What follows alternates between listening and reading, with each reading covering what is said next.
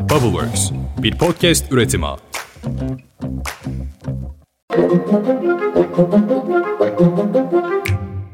Günaydın. Bugün 1 Haziran 2023. Ben Özlem Gürses. Bubbleworks Media ile birlikte hazırladığımız 5 dakikada dünya gündemine hepiniz hoş geldiniz.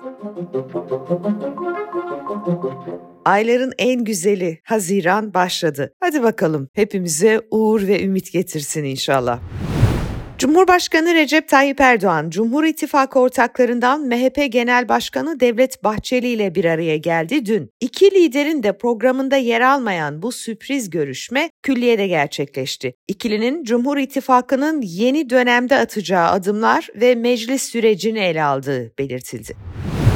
Dün anlatmıştım ikinci turun hemen ardından daha Erdoğan bile balkon konuşmasını yapmadan önce Devlet Bahçeli çıkmış ve çok tuhaf bulduğum şu sözleri söylemişti. Dinleyelim. Önümüzdeki günlerde çok şey değişecektir. Her şey değişecektir.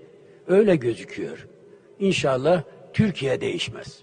Gerçekten de çok tuhaf değil mi? Anlaşılan Fatih Altaylı da benim kadar acayip bulmuş bu açıklamayı. Dünkü yazısında şöyle yazmış. Bu sözler siyaseten çok güçlü görünmesine rağmen iktidarın güçlü ortağının bile kendini aciz hissettiği bir duruma işaret ediyor. Bahçeli'nin gördüğü bu tehlikenin ne olduğu konusunda daha açık olması, daha net konuşması gerekiyor. Seçimin hemen arkasından işaret ettiği ama inşallahla savuşturmak istediği tehlikeli değişim neyse toplumu buna karşı hazırlamak Bahçeli'nin işidir. Aynen katılıyorum Fatih Altaylı'ya. Yani ne olabilir de mesela Türkiye inşallah değişmez? Yeni bir anayasa mı, yeni bir çözüm süreci mi ya da başka bir şey mi, bir iç karışıklık mı, bir din devleti tasarısı mı nedir? İnsan hakikaten merak ediyor.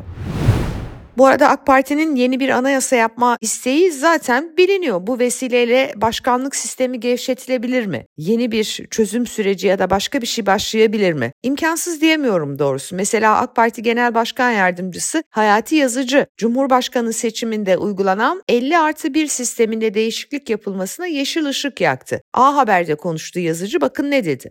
Anayasa yapma milletin hakkıdır. Ve tekel bir haktır. Millet anayasa yapma hakkını başkası da devretmez. Demokrasilerde millet hepsi bir araya toplanıp anayasa yapamayacağına göre bunu önce temsilcileri vasıtasıyla yapar. Bu temsilcileri meclisli parlamento. Yani bu sözler gerçekten de ilginç. Devlet Bahçeli'nin inşallah Türkiye değişmez dediği nedir? Onu uzun süre merak etmeye devam edeceğiz galiba. Ankara'da Cumhurbaşkanlığı kabinesi söylentileri bitmek bilmiyor. Mazbatalarını alan milletvekilleri mecliste yarın yemin edecek. Cumartesi günü de Cumhurbaşkanlığı kabinesinin açıklanması bekleniyor. Candaş Tolga Işık Twitter hesabından AKP'de bütün bakanların değişeceğini öne sürdü. Dün hatırlayalım mevcut bakanlarla son kabine toplantısı yapılmıştı. Arkasından da herhangi bir açıklama olmamıştı. Candaş şöyle yazmış. Cumhurbaşkanı Erdoğan yeni dönemde tamamen yeni isimlerin kabineye gireceğini işaret ederek tüm bakanlara tek tek teşekkür etti. Son dakikada istisna olur mu göreceğiz ama şu anki durum %100 yeni bir kabine geliyor. Evet sevgili Candaş böyle yazsa da Abdülkadir Selvi ise tam tersini söyledi CNN ekranında. Başta Süleyman Soylu olmak üzere bazı bakanların koltuklarına geri döneceğini iddia ediyor Abdülkadir Selvi. Valla Bahçeli ne derse o olur bence. O kadar diyeyim nokta. Gelelim CHP'ye. Seçimlerin ardından değişim rüzgarının estiği CHP hareketli günler yaşıyor. Kritik toplantılar öncesinde Kemal Kılıçdaroğlu ile Ekrem İmamoğlu'nun bu akşam genel merkezde görüşmesi bekleniyor. CHP Genel Merkezi'nde bugün 13'te de Merkez Yönetim Kurulu toplantısı gerçekleşecek. Tüm üyeler istifalarını Kılıçdaroğlu'na sunacaklar ve CHP lideri bu kez istifaları kabul edecek. Neden bunu yapıyorlar? Genel Başkanın elini rahatlatıp yeni bir MKYK kadrosu kurabilmesi için. Kılıçdaroğlu cumartesi günü yapılacak parti meclisi toplantısının ardından da işte bu yeni MYK'yı da belirlemiş olacak. Hem Merkez Yürütme Kurulu hem de parti meclisi toplantıları kurultay takvimini de netleştirir. Ben sonbahar diyorum. Bakalım ne zamana yapılacak CHP kurultayı.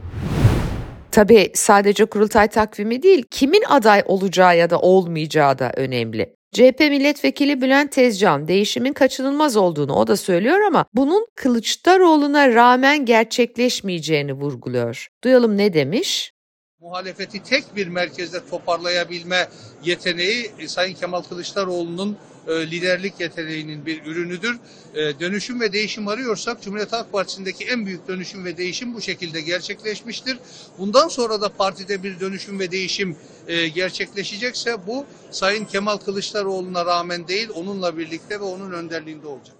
Açıkçası ben de Bülent Tezcan'a katılıyorum. Hatta Kılıçdaroğlu'nun bu değişim sürecini işaret edeceği bir isimle bizzat kurgulayacağını da düşünüyorum.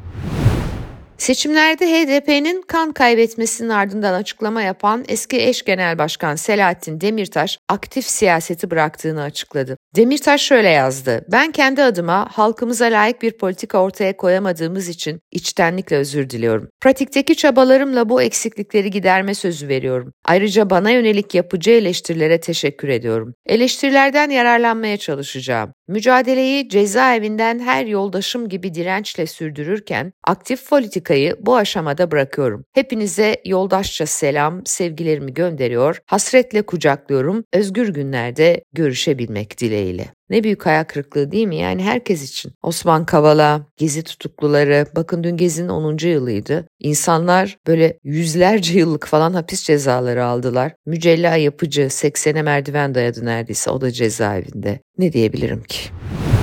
Bu arada Ahmet Türk, Selahattin Demirtaş'ın siyaseti bırakma kararını doğru bulmadığını belirtti. Selahattin Bey başarılı bir politikacıydı, genç ve dinamik bir arkadaşımız böyle bir karar beklemiyordum demiş Ahmet Türk. Yeşil Sol Parti Muş Milletvekili Sezai Temelli ise ne biz onu bırakırız ne de siyaset onu bırakır diye konuşmuş. Ekonomiye bakalım. Uluslararası Finans Enstitüsü baş ekonomisti Robin Brooks, Türkiye'de seçimlerin ardından Türk lirasının hızla değerini kaybettiğini söyledi. Brooks, yabancı yatırımcılar Türkiye'yi portföylerinden kalıcı olarak çıkartıyor. Türkiye'nin Arjantin gibi finansal otarşi yolunda olmasını görmek üzücü dedi. Brooks'a göre TL'de değer kaybı Merkez Bankası'nın Eylül 2021'de başlattığı faiz indirim döngülerinden kaynaklanıyor. Yani öyle bile olsa sana bana ne oluyor Robin Brooks? TÜİK'e göre Türkiye ekonomisi %4 büyümüş. Büyümeye katkı yapan sektörler hizmet alanı ve inşaat. Küçülen sektörler ise ne yazık ki sanayi ve tarım.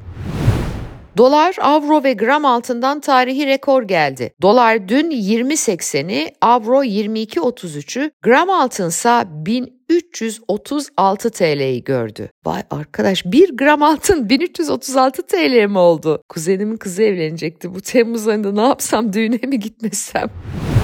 Kayseri'de 200 gram ekmeğin fiyatına da zam yapılmış. Daha önce 4 TL olarak satılan ekmek artık 5 TL. Boğaziçi Üniversitesi'nde toplu mezuniyet töreni bu senede iptal edildi. Üniversite geçen yılda yine her bölümün ayrı ayrı mezuniyet töreni yapacağını duyurmuştu ve öğrencilere bir e-posta gönderilmişti. Geçen sene toplu mezuniyet töreni iptal edilince alternatif mezuniyet töreni düzenlemişti öğrenciler. Bu sefer de okul yönetimi mezuniyet töreninden iki gün önce öğrencileri e-posta yoluyla tehdit etmişti. Ne güzel değil mi? Yani öğrenciler kendi mezuniyet törenlerini bile yapamaz halde bugün Türkiye'de. Benzer durum ODTÜ'de yaşanıyor biliyorsunuz. Uluslararası Bahar Festivali, Bahar Şenliği ODTÜ'nün 3000 yıllık kadim geleneği diyeyim ben size. Ve nasıl da güzel olur biliyor musunuz ODTÜ'lüyüm ben. Yapılmıyor. İzin vermemiş Sayın Rektör. Muhammed Yakut hakkında AK Parti Genel Başkan Vekili Binali Yıldırım'ın oğlu Erkam Yıldırım'a yönelik ifadeleri nedeniyle zincirleme şekilde hakaret ve iftira suçundan 8 yıl 1 aya kadar hapis cezası istemiyle iddianame hazırlandı.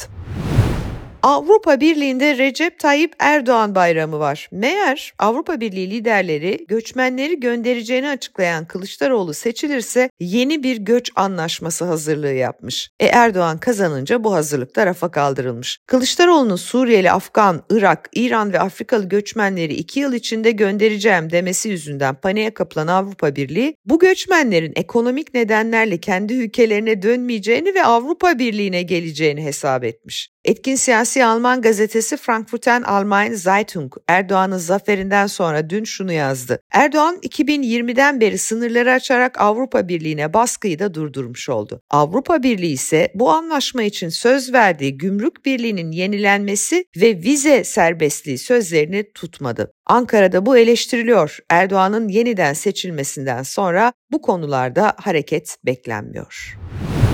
Amerikalı politikacı ve aktivist Alejandra Ocasio-Cortez'in hedefinde Elon Musk ve Türkiye'deki Twitter yasakları vardı. Ocasio-Cortez, Musk'ın seçimleri Twitter'la etkilediğini belirtti ve 2024 Amerikan seçimleri için endişeli olduğunu dile getirdi. Bütün bunları Ocasio-Cortez Twitter'a rakip olan Blue Sky'da yazdı. Musk'ın Türkiye'de teraziye parmağını koyması göz önüne alındığında gelecek yılki Amerika seçimlerinden endişe duyuyorum diyor Cortez. Haklı.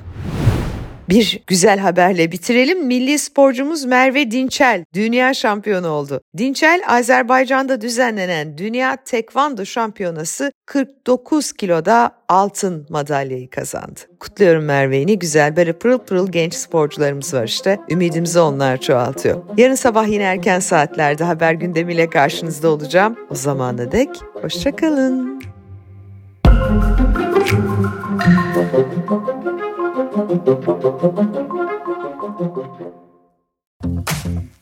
Bubbleworks, bir podcast üretimi.